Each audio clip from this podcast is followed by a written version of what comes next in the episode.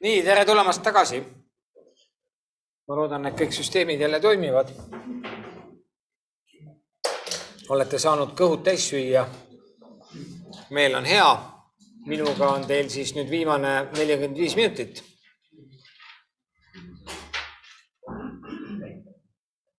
jah, ikka mul on õiged andmed, eks? jah, meil läheb kella kolmeni peale seda siis vist tuleb paus või midagi ja siis juba on teine õppejõud teiega koos, nii et äh, me jätkame siis seda teemat ja räägime koguduse tervisest. ja lähme siit edasi, kus me siis pooleli jäime enne meie pausi.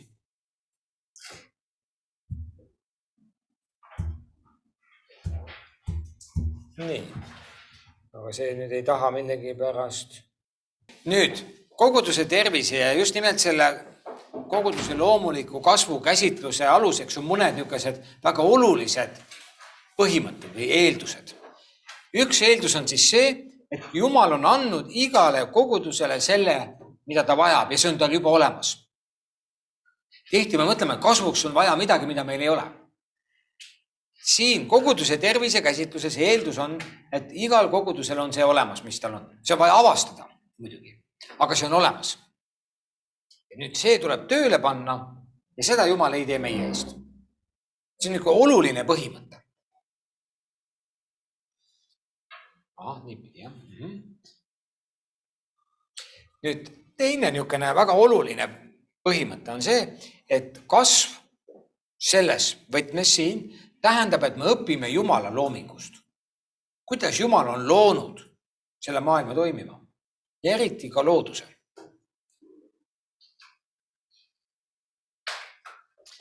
igal taimel on maapealne elu ja maa-alune elu. ja sama on kogudusega. kogudusel on nii-öelda see nähtav osa. Nonii, et on nähtav osa koguduses, no ei ole võimalik ma ei tohi puutuda seda. Äh, ja siis on see nähtamatu osa, mis tegelikult määrab selle välise või nähtava osa tervise. tihtilugu me paneme hästi palju tähelepanu sellele, mida on näha. vaatame nagu, mis on silme ees, märkamata, et tegelikult on mingid asjad, mis ei ole nähtavad, mis tegelikult mõjutavad äh, selle, selle taime või selle organisatsiooni toimetulekut ja siis põhimõtteliselt. Äh, no vot, ma rääkisin sedasama asja ära, ma ei hakka seda. see, see on oluline põhimõte, me õpime Jumala loomingust. nii, lähme edasi, need põhimõtted veel.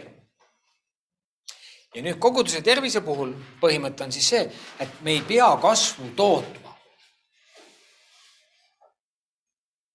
vaid seda kasvu vabastama. selle potentsiaali, mis on koguduse sees olemas, me peame selle vabastama. ja selliselt on siin põhimõte siis see, et kasvutakistusi tuleb kõrvaldada, et see kasv vabastada. mitte ei tule tegeleda kasvu nii-öelda teguritega, mis võimaldavad kasvu, vaid hoopis nendega, mis takistavad kasvu ja kui me takistused oleme kõrvaldanud, siis vumm, see on umbes nii nagu see taim, eks ole, me avastame seda, et milline on see keskkond siin, me avastame, milliseid väetisi on vaja panna siia taimele, et soodustada tema kasvu, et ka kõrvaldada võimalikke haiguse mingisuguseid tekkeid. et see taim võiks olla terve. Ja eeldus on, et terve taim kasvab iseenesest, terve kogudus kasvab iseenesest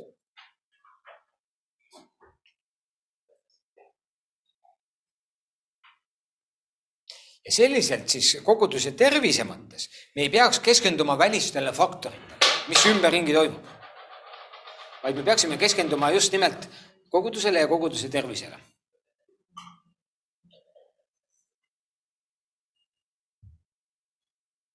nii-öelda sellele koguduse siseelule. see on nüüd selle käsitluse niisugune hästi oluline tuumväärtus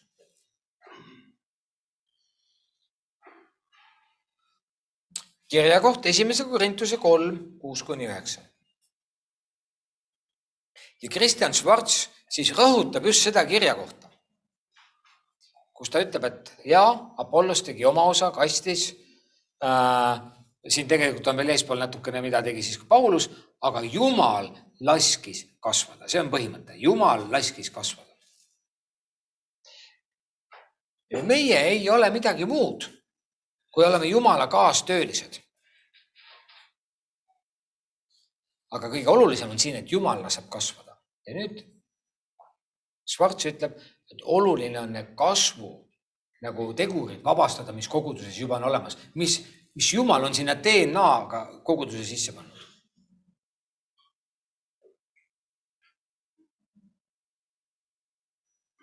kui koguduse kasvu niisugune põhiloogika oli, mida meie teeme, kuidas meie evangeliseerime, kuidas meie jõuame inimesteni ja siis vau, asi läheb, siis nüüd see koguduse tervis siin nagu selle kriitikana pöörab nagu selle, selle asja teistpidi.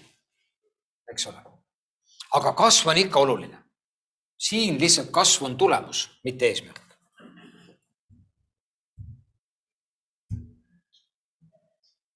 niisiis, eeldus on, et Jumal kasvatab. Ja üks väga huvitav sõna on, mis tuleb välja, no mul ei ole siin seda kirja kohta või? ei ole jah mm kellel on piibel, kas keegi leiab selle kirja koha üles, kus meil täpselt see on? kõige lihtsam on kuskilt internetist leida. kus see koht meil on? iseenesest, kui selle sina sisse lüüa sinna piiblinetti, siis on meil see käes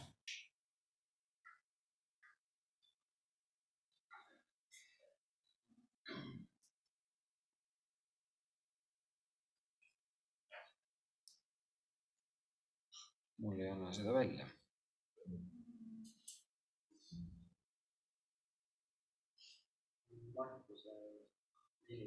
Markuse neli, jah.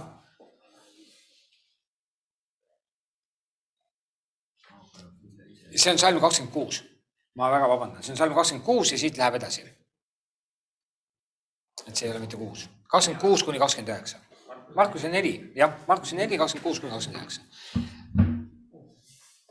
Jeesus ütles, jumala riik on nagu inimene, viskab seemne maha ja siis heidab magama. ärkab öösel üles päeval, protsess läheb edasi ja nüüd seeme hakkab tärkama. ja maa kannab vilja iseenesest. et see on ka jälle looduses toodud niisugune paralleel põllumajandusest. tegelikult siin see sõna on automaate. kui te olete kuulnud niisugust sõna eesti keeles eks ole, automaate, äh, siis algne kreekakeelne tekst siin kasutab just sellist sõna. justkui automaatselt, muidugi see ei ole automaatselt, me saame väga hästi aru, et seemne sees on potentsiaal hakata kasvama, kui ta on õiges keskkonnas. ja see on sama, mis Schwarz ütleb. kui kogudus nagu loob need õiged tingimused, siis ta hakkab ise kasvama. Äh.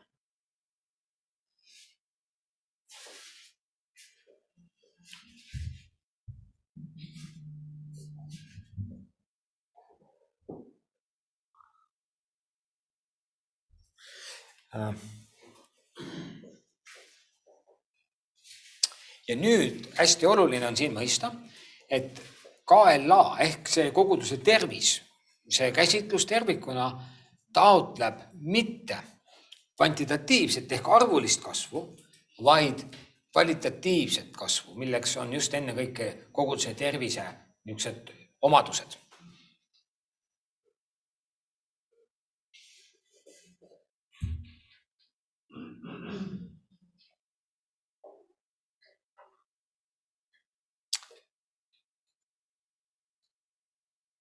et selles mõttes see käsitlus erineb koguduse kasvu liikumisest just selle poolest, et siin nagu eeldatakse, et see kasv on loomulik. see nagu, nagu vabastatakse selle tulemusena, et on nagu õiged tingimused loodud. ja siis kogudus justkui läheb iseenesest kasvama ja nüüd siis see oluline punkt, et kogudus hakkab kasvama siis, kui me hindame koguduse tervist ja me seda parandame. ja see tervise hindamine on põhimõtteliselt diagnoosi panemine. eks ole, kui sul on mingisugune probleem, lähed arsti juurde, arst vaatab, ütleb, et hmm, diagnoos on see.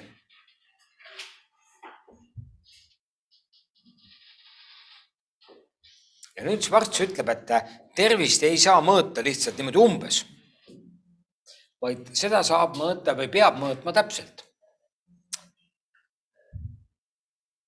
ja seda nüüd seesama test siis teeb, siin on jälle üks näide äh, nii-öelda sellest äh, NCD nii-öelda kaheksast kvaliteediomadusest, et kuidas siis kuskil koguduses see, see on. siin on kogudus, kelle keskmine oli kolmkümmend kaks, mis on nagu päris madal. et äh, ja kõige madalam on andidele orienteeritud teenistus, ütleme niimoodi, et seda siin vaadates ei jäta Äh, muljet, et see kogudus oleks väga heas tervislikus seisukorras. et ilmselgelt siin on väljakutsed, need numbrid on väga madalad. Ähm, kui kedagi see teema üldse huvitab, jällegi soovitan, äh, internet on täis sellekohast materjali, mida on võimalik lugeda, ennast täiendada ja nii edasi. aga nüüd teie esimene kodutöö põhimõtteliselt ongi oma koguduse hindamine nende kaheksa kvaliteediomaduse põhjal. ma ei eelda teilt uuringut aga ma eeldan teilt nende kaheksa punkti alusel lühianalüüsi, mitte pikka, lühianalüüsi.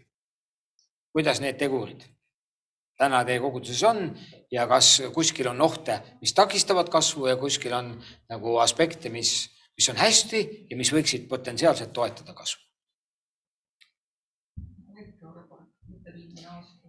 Te võite seda teha, eh, hetkeolukord, aga te võite seda teha ka mingi viimase näiteks, näiteks Covidi aasta, kaks aastat, eks ole, et selles Covidi olukorras, kuidas need tegurid teie arvates, see on natuke subjektiivne, see ei ole uurimus, eks ole, aga pigem ma tahan aidata teid, et hakkate nendes kategooriates natuke mõtlema, et mis need nagu on. et nüüd koguse tervisekäsitluses siis äh, vaadataksegi neid nagu tervikuna ja seda võib teha mingi aja jooksul Covidi aeg on olnud kogudustele väga suur väljakutse. väga suur väljakutse. aga see on teie vaba valik, millise aja jooksul te tahate teha, kas te tahate teha hetkeseis, viimane kaks aastat, viimased kümme aastat. Äh, et millise nagu ajatelje te panete, oluline on, et te seda ütlete, mis aja lõikes nagu teie praegult seda väikest äh, esseed siis teete. Ja nüüd see KLA test ongi siis vahend, mis aitab mõõta koguduse tervist.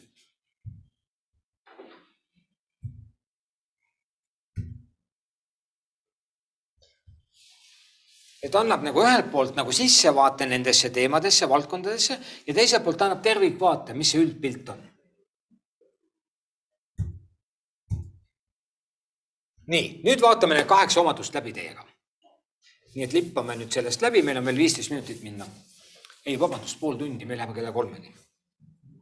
esimene kvaliteediomadus on volitav juhtkond.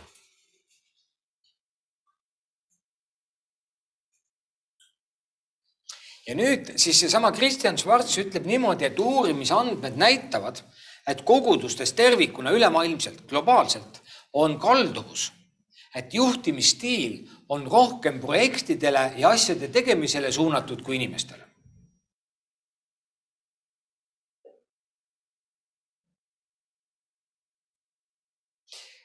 kogudustel on kalduvus, et juhtimisstiil on pigem autoritaarne kui meeskonnale suunatud.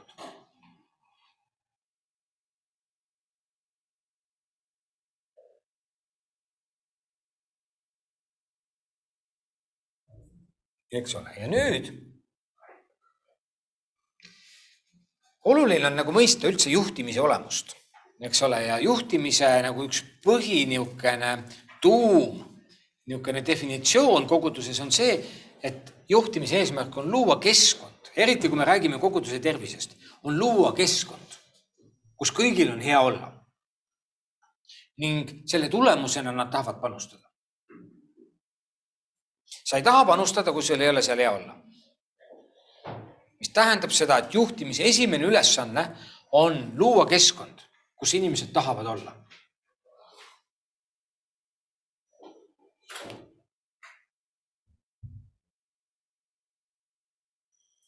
nüüd volitav juhtkond.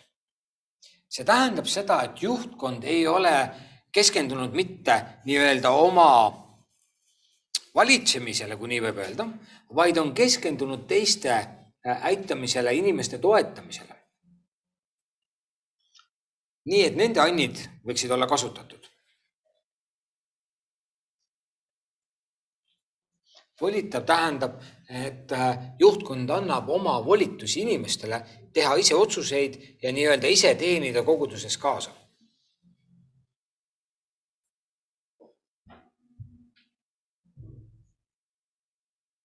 Ja Kristjan Schwarz ütleb niimoodi, et äh, kahjuks paljud megakogudused on äh, hästi suure mõjuga eeskuju mõttes, aga tegelikult nende mudelid ei toimi teistes oludes. ja meil on väga suur kiusatus võtta megakoguduse mingid asjad ja hakata neid oma kohas nagu püüdma läbi viia. ja need ei toimi paljudes kohtades. see on, mida Kristjan Schwarz ütleb, siis selle kõige põhjal, mida ta üle maailma on, on siis uurinud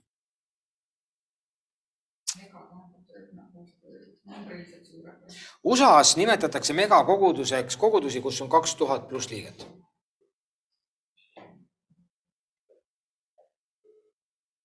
ja põhimõtteliselt selle all mõeldakse mitte liikmeid, vaid kohalkäijaid nädalavahetusel. ja selliseid kogudusi on täna USA-s tohutult palju. USA on täiesti teistsugune kultuur, kui on näiteks Eesti või isegi Euroopa paljud asjad, mis USA-s toimivad, ei toimi Euroopas. vähemalt mitte niimoodi automaatselt. nii et äh, nii ta on. järgmine kvaliteediomadus on andide põhine teenimine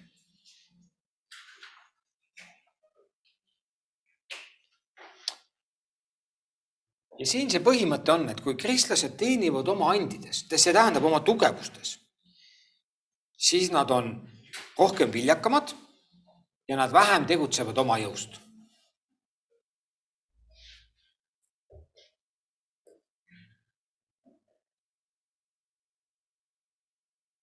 ja selle tõttu Kristjan Schwarz on välja töötanud äh, vaimuandide testi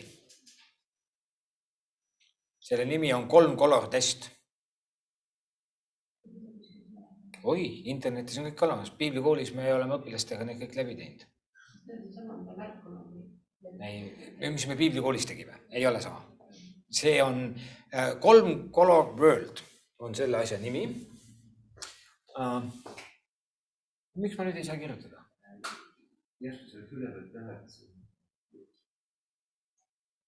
ma panen siis niimoodi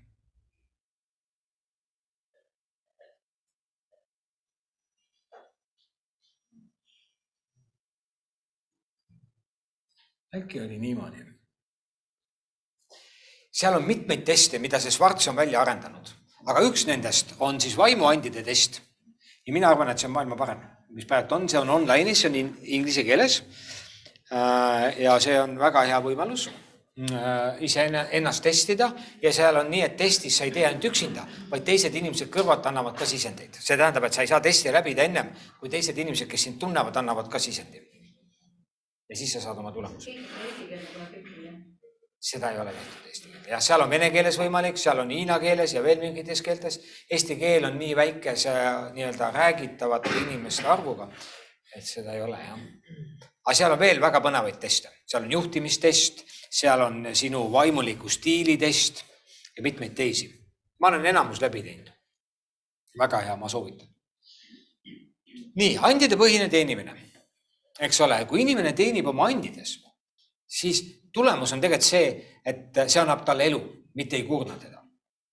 ja üks hea tundemärk, et kui sa ei teeni oma andis, on see, et sa teed midagi, mis sind kurnab. näiteks mina olen niisugune inimene, et mind tohutult kurnab mingite pisidetailidega tegelemine, niisugune sekretäri töö. ma lähen täitsa umbema täna aga on inimesi, kellele see meeldib, niisugune väikene asjaajamine ja siblimine ja asjade tegemine noh, niisugune lihtne näide, eks ole, aga, aga neid valdkondi on erinevaid.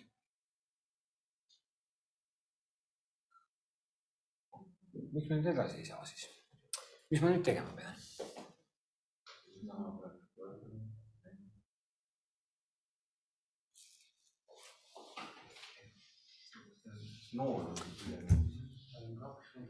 kõik hästi, saame edasi. üks funktsioon korraga, joonistamine ja liigutamine ma saan siit, aitäh. nüüd oluline on näidata inimestele oma annid siis avastada, eks ole, ja seejärel luua keskkond nende rakendamiseks. see tähendab, et, et põhiliselt juhtkonna ülesanne, volitava juhtkonna ülesanne on näidata inimestele annid avastada ja vabastada nad teenimisse.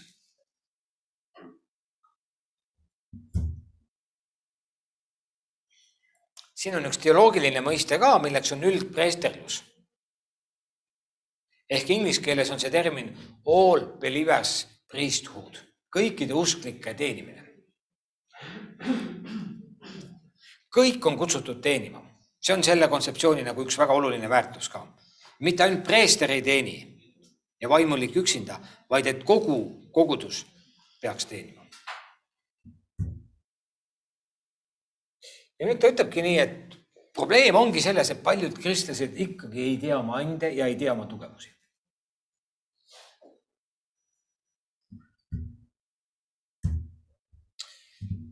Et see on probleem, see on kasvutakistus põhimõtteliselt Schwarzi kohaselt.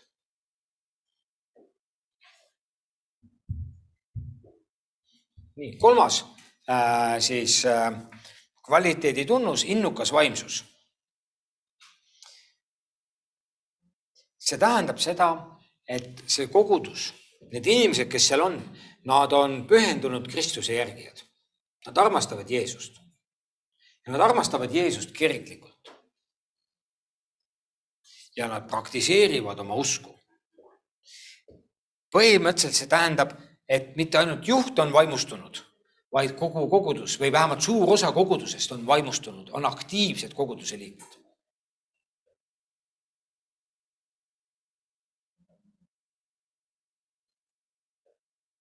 see on innukas vaimsus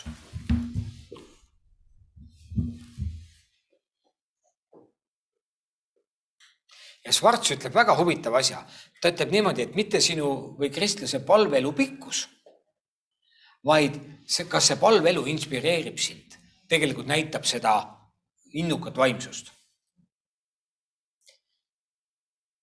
mõni ütleb, oi, ma palvetan kolm tundi päevas. kui sa pärast tuled sealt ära ja sa ei ole üldse inspireeritud ja niimoodi, et kuule, mis ma nüüd sellega peale hakkan, mis ma siin palves olen saanud, mis ma selle jõuga pihta hakkan, et kui seda nagu ei tule siis tekib nagu küsimus, et so what või noh, mis siis? et palveelu nagu inspireerimine, et, et see inspireerib mind, see täidab mind, see toidab mind, see, see annab mulle kütuse ja nüüd pärast seda ma lähen ja tegutsen. ja see mõjub koguduse kasvule.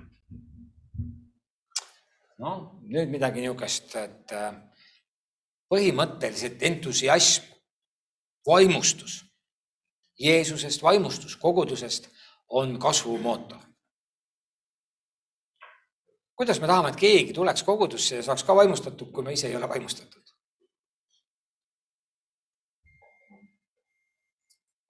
aga siis ütleb Schwarz veel niimoodi, et äh, nüüd sektid, ütleme sellised äärmuslikud usuliikumised tihtilugu on väga vaimustatud mingist asjast, nendel on mingi idee peas, mida teha aga nende õpetus on vildakas, mis tähendab seda, et vaimustus üksinda ei ole see, mis tegelikult tagab äh, nii-öelda edu ja kasvu. nüüd vaimustus, entusiasm ei ole nagu ainukene asi iseenesest. siin on omad ohud, olla super vaimustatud ja samal ajal õpetuslikult täitsa tasakaalust väljas. mis tähendab seda, et loomulikult on vaja tasakaalu. aga ilma entusiasmita loota kasvu no põhimõtteliselt ei ole mõeldav. nii. mis siis nüüd? see joonistus tähendas funktsiooni maha. nii, neljas kvaliteeditunnus, tulemuslikud tööharud.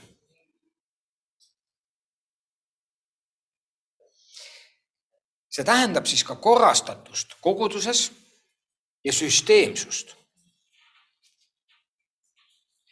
efektiivsus tuleneb just nimelt sellest, et need erinevad teenistusharud ja koguduse tegevused on kokku põimitud kokku üheks tervikuks.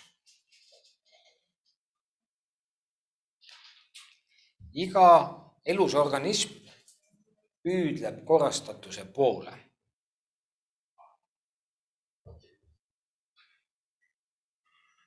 Surnud organism laguneb.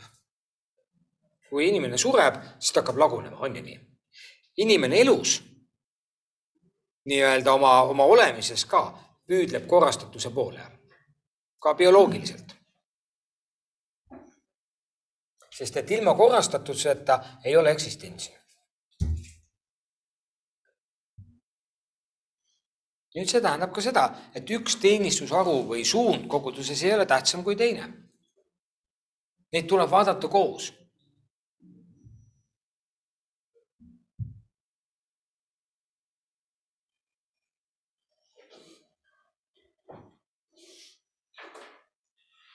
ja siin Schwarz ütleb veel nüüd seda, et traditsionalism on vastand sellele kvaliteedi omadusele. et see, mis kunagi toimis, ei pruugi täna automaatselt enam toimida, mis tähendab, et struktuur on vaja ikka ja jälle uuesti üle vaadata. Kas me oleme sealmaal, kus me oleme, kas meie teenistusharu teeb seda, mida on vaja teha? Või me paneme märgist mööda?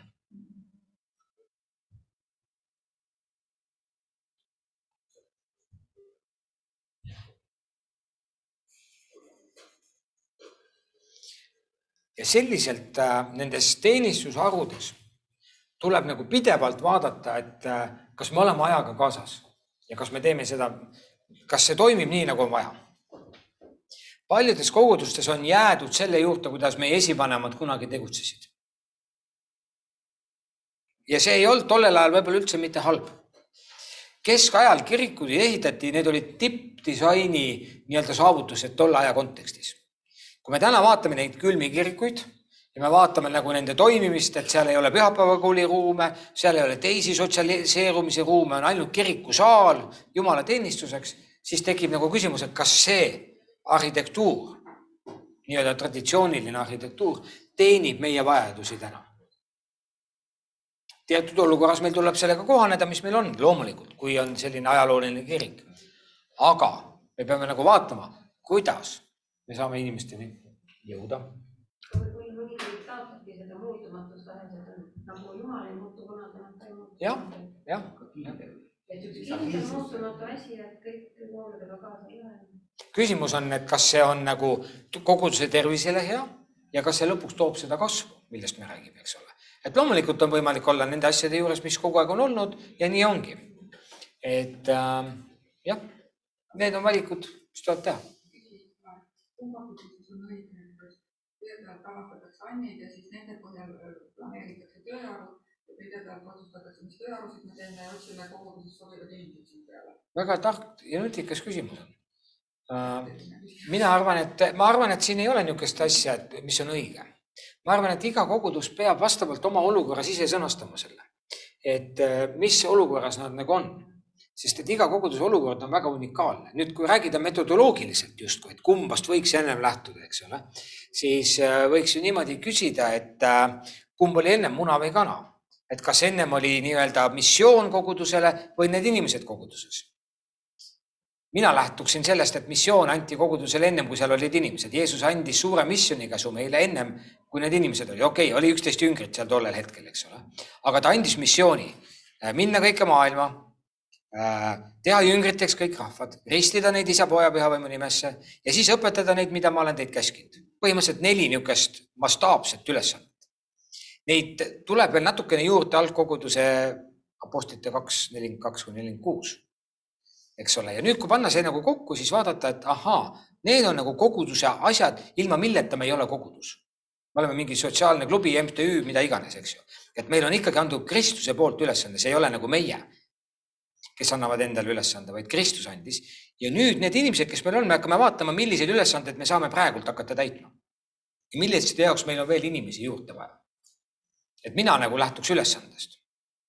aga inimene ei ole vähetähtsam, eks ole, nii et selles mõttes äh, minu arvates see sõltub olukorrast ja mina ei julge öelda, et üks on õigem kui teine. kas see natuke aitas? ta natuke on, natuke on. võib-olla sõltub natuke juhtkonna vaatest, stiilist, asjadest ja mulle tundub, et Jumal on jätnud selle meie kätte. kuidas me seda valime. ta ei ole meie eest ära otsustanud. kui üks inimene tuleb, ütleb, ma tahan ka hästi seda teha, aga see tundub nagu ühtpildis nagu mingisugune teisejärguline asi, et tegelikult tähtsamad asjad nagu ripatud. et siis, siis mõtled, et ta nüüd panustab sinna, mis ei ole nii tähtis, on ju. noh, siis tekib see küsimus, et kumb, kumb siis tähtsam on. Need on dilemmad, millega juhtkond kogu aeg tegeleb. ja seal on vaja head balanssi hoida, ma arvan, initsiatiivi tapmine on kõige rumalam asi, mis me võime teha koguduses. samal ajal, kui kõik hakkavad igaüks ise tegema, mis nad tahavad, lõpuks see asi on kõik niisugune pudru ja kapsad.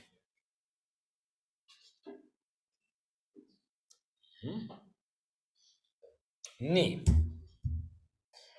inspireeriv jumalateenistus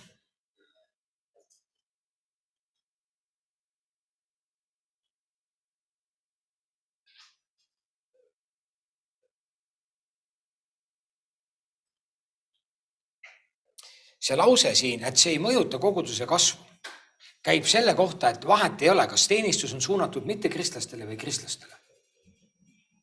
See käib selle kohta. ja nii, et selles mõttes põhipoint on see, kas see jumalateenistus oma ülesehituselt ja see kogemus, mida inimesed sealt saavad, on selline, et nad lähevad sealt ära. Nad ütlevad, jess, ma saan selle asjaga hakkama. ma lähen ja teen, mis jumal tahab, et ma teen. et kas see nagu annab seda vaimulikku kütust inimestele?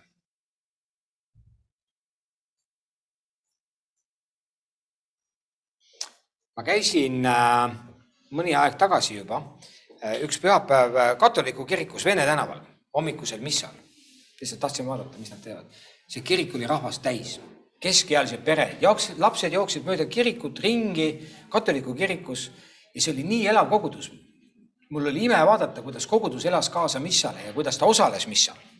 mitte niimoodi, et ei istunud lihtsalt pingis, aga nad osalesid sellel ja seal olid need vastulaulud ja mis iganes süsteemid need on, ma kõike ei tunne hästi, aga ütleme kõik see liturgia, kuidas see on tehtud. Ma vaatasin, vau, et see kogudus elab. ja nagu see kogudus on inspireeritud selles mõttes.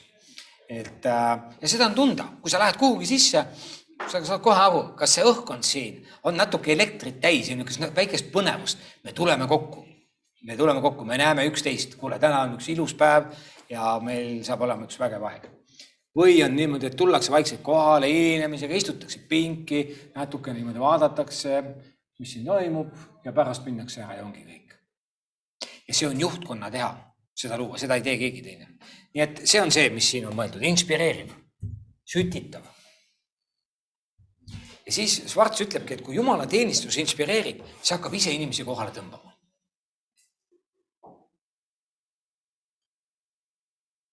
see kuulsus levib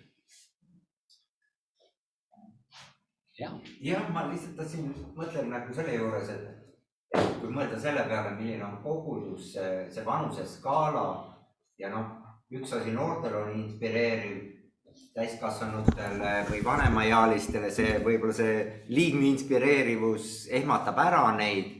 et äh, nii nagu on ka noh, ka mida me vaatame endale, et ka nendesamade siis pühapäevase teenistuse ühislauludega. noored tahaksid midagi, noh, action'it, vanemad tahaksid, et vot need on, me oleme viiskümmend aastat neid laulnud, me tahaks samade lauludega. et noh, kuidas sa seda kõike ühte teenistusse kokku paned, et, et tõenäoliselt, kui on noh, ja samas oleks jälle hea, kui kõik vanusegrupid korraga oleksid teenistusel, siis see jälle ju ehitab seda kogudust ju see on üks tervik ikkagi, ei saa öelda nii, et noored, olge teie seal. Et, et see on väga suur tegelikult dilemma, kuidas, kuidas teha nii, et kõik oleksid õnnelikud seal. Äh, nüüd see termin siin ja see kvaliteediomadus läheb sellest veel sügavamale, mis sa räägid. ja see inspireeritus ei, ei tulene mitte sellest, vaata, noored kasutavad niisugust väljendit, et siin on äge. -hmm. ma vaatasin oma tütre pealt homme saab kaheksateist, aga, aga ma vaatasin oma tütre peal, mingil hetkel hakkas rääkima, see on äge. Ja siis ma uurisin ta käest, et mis sa selle all mõtled. ta ütles, ma isegi ka täpselt ei tea, aga ma lihtsalt tean, et see on äge ja see ei ole äge, kõik. ja see on niisugune tunnetuslik mõiste. eks ole, Craig Rochelle, üks Ameerika Life Church pastor on kirjutanud raamatu It. ja tema räägib seal sellest, et sul kas on see või ei ole seda. ja see on niisugune müstiline asi, see see eks ole, aga, aga, aga see ei sõltu vanusest nii palju. see sõltub sellest, et me oleme üksteisest vaimustatud, õieti me oleme Jeesusest, aga siis ka üksteisest, sõltumata vanusest. kui asi läheb sinnamaani, mulle meeldib see laul, mulle see ei meeldi, see jutlustaja mulle ei meeldi ja nii edasi, siis see on juba inimlik. Ja ma ütleks niimoodi, et siis me oleme juba märgist mööda lasknud. kuigi ma tean kõiki neid probleeme kogudustes, neid generatsioonide vahesid ja, ja nii edasi. Vanad ei taha noori ja noored ei taha vanu ja üks segab teist ja nii edasi, siis on juba asi metsa läinud, ütleme niimoodi otse.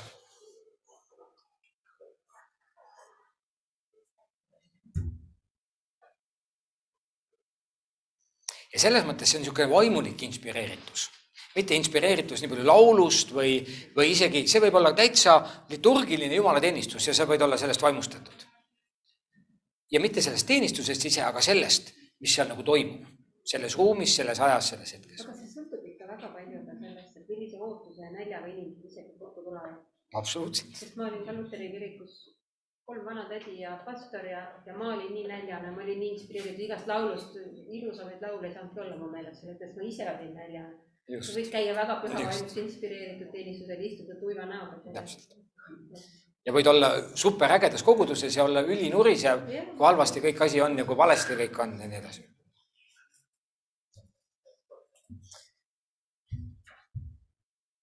nii, mitmekülgsed väikegrupid ja siin Schwarz ütleb niimoodi, et kasvu mõttes need väikegrupid on nagu võti. ja mitmekülgsed tähendab siis seda, et need on tõesti mitmekülgsed, et need ei ole ühetaolised.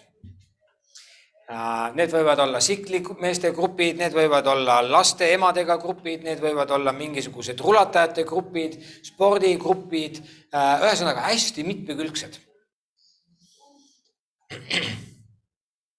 sellised nagu lähenemised, hobid inimestel ja selle ümber koondatakse, seal on väike piibliõpe, seal on palve ja seal on osadus. osadus on kristlik mõiste. see on välja kasvanud Uue Testamendist Jeruusalemma kogudusest. inimesed tahavad sinna kuuluda, seal on head usalduslikud suhted.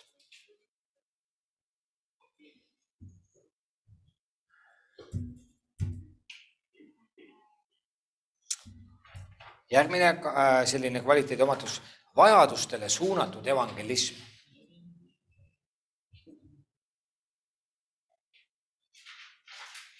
eristavad, kaasavad kogudused eristavad, siin on S. Nad eristavad evangelisti anniga inimesi nendest, kellel ei ole seda andi. ja nad lasevad evangelisti anniga inimestel nagu selles suunas nagu teiega kütta aga nad suunavad oma evangeelsed jõud ja ponnistused sellele, et teenida inimesi, kellel on vajadused.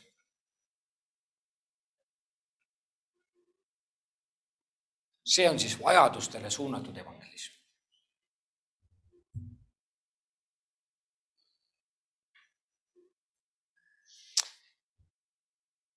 ja siin on nagu oluline, et me ei kutsu kogudust mitte uusi kontakte kuskil looma, vaid olemasolevaid kontakte ära kasutama. Saate aru, kogu selle, kogu selle tervisekäsitluse juures loomulikkus on üks võtmesõna. et me kasutame loomulikult kõike seda, mis meil on, mitte ei hakka üle oma varju hüppama ja tegema asju, mida meil ei ole või mida me pole ennem teinud või pole suutnud isegi teha. igal kristlasel on vähemalt üks kontakt väljapool kogudust, keegi tal on, töökaaslane, kes iganes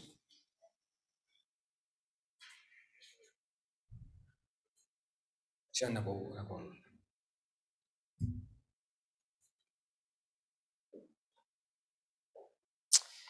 ja nüüd see evangelismi puhul siis rõhutatakse pigem seda, et me uurime välja, me loome inimestega usalduslikud kontaktid, me uurime välja, mis on nende küsimused ja siis püüame nendele vastata. mitte ei püüa nendele mingisugust oma asja nii-öelda pakkuda, mida nad pole tahtnud, soovinud ega küsinud.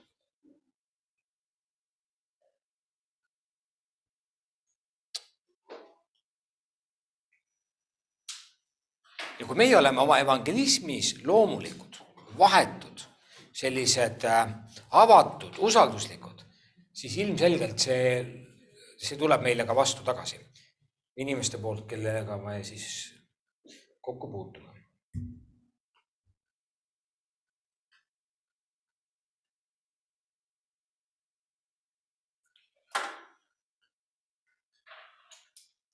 Nii et see lähenemine põhimõtteliselt ei avalda survet mittekristlasele tulla ja liituda mingisuguse kristliku grupiga või programmiga, vaid pigem orienteerub,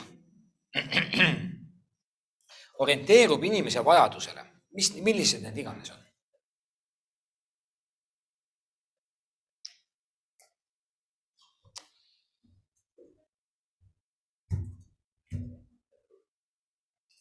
Ja viimane, armastavad suhted.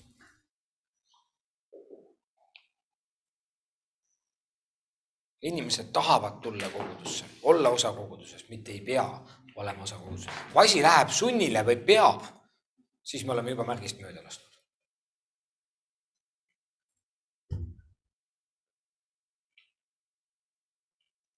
ja eraldi teema, kui paljud inimesed suhtlevad väljapool kogudust?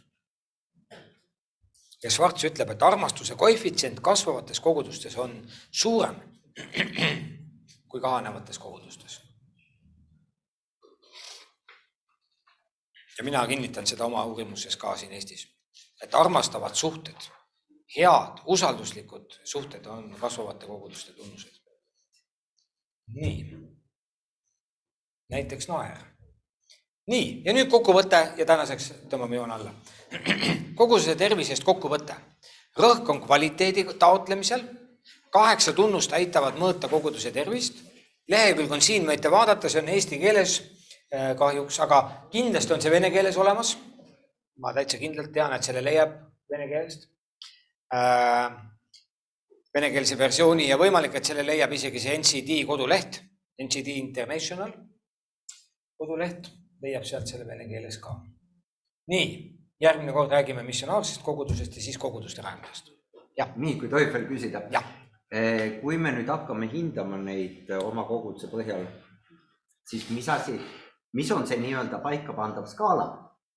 Kas sada on see, milline oleks noh, ma ei tea, eriti hea tulemus või on sada realistlik tulemus või kuidas, sest see, kas ma panen nüüd kolmkümmend või kuuskümmend, sõltub ju sellest, mis sada peaks olema antud antud skaalal? ma ei oota teilt hinnangu andmist, ma ei oota teilt hindamist numbriliselt. ma ootan teilt arutelu oma koguduse okay. üle nendes kaheksas kvaliteedi omad, ainult arutelu okay,. mitte, mitte midagi muud mm. -hmm. selles mõttes, et me ei tee praegu uuringut mm, -hmm. siis peaks testi läbi tegema ja siis peaks sealt hakkama tegema, aga seda me selle mahuga ei saa teha. nii et lihtsalt arutelu, tegelikult ma tahaks, et teie essee oleks kuskil kaks lehekülge pikk. kui te teete väga pika töö, see võtab teie hinde alla nii et äh.... väikse bussijuhtiga väikse kirja vahega eks ole, nii et, et kui see läheb veel kolm-neli lehekülge, aga mitte oluliselt rohkem. ma ootan teilt lihtsalt arutelu, ma tahan näha teie analüüsi, ma tahan näha, kuidas te nagu neid kvaliteediomadusi oma koguduse keskelt nii-öelda analüüsite ja see on tööseminaris, kui te peate vajalikuks seda minna ja oma pastoriga arutada, Te võite seda teha. aga see ei ole minu nagu taotlus, et te lähete nüüd selle tulemusena koguduses revolutsiooni korraldama. Eks ole, et see ei ole nagu osa. see on. seda pärast ei saadeta pastorile? ei saadeta ka pastorile mitte jah ja.. ei saadeta. Te olete seminaris ja see on puhtalt selle loengu osa ja minu eesmärk on nagu nii-öelda aidata teil analüüsida ja näha, kuidas te analüüsite ja siis seda hinnata. see on kõik ma tänan teid, jumal õnnistagu teid ja ma loodan, et äh, siis juba mai alguses kuu aja pärast uuesti kohtume, siis räägime missionaarsest kogudusest ja koguduse rajamisest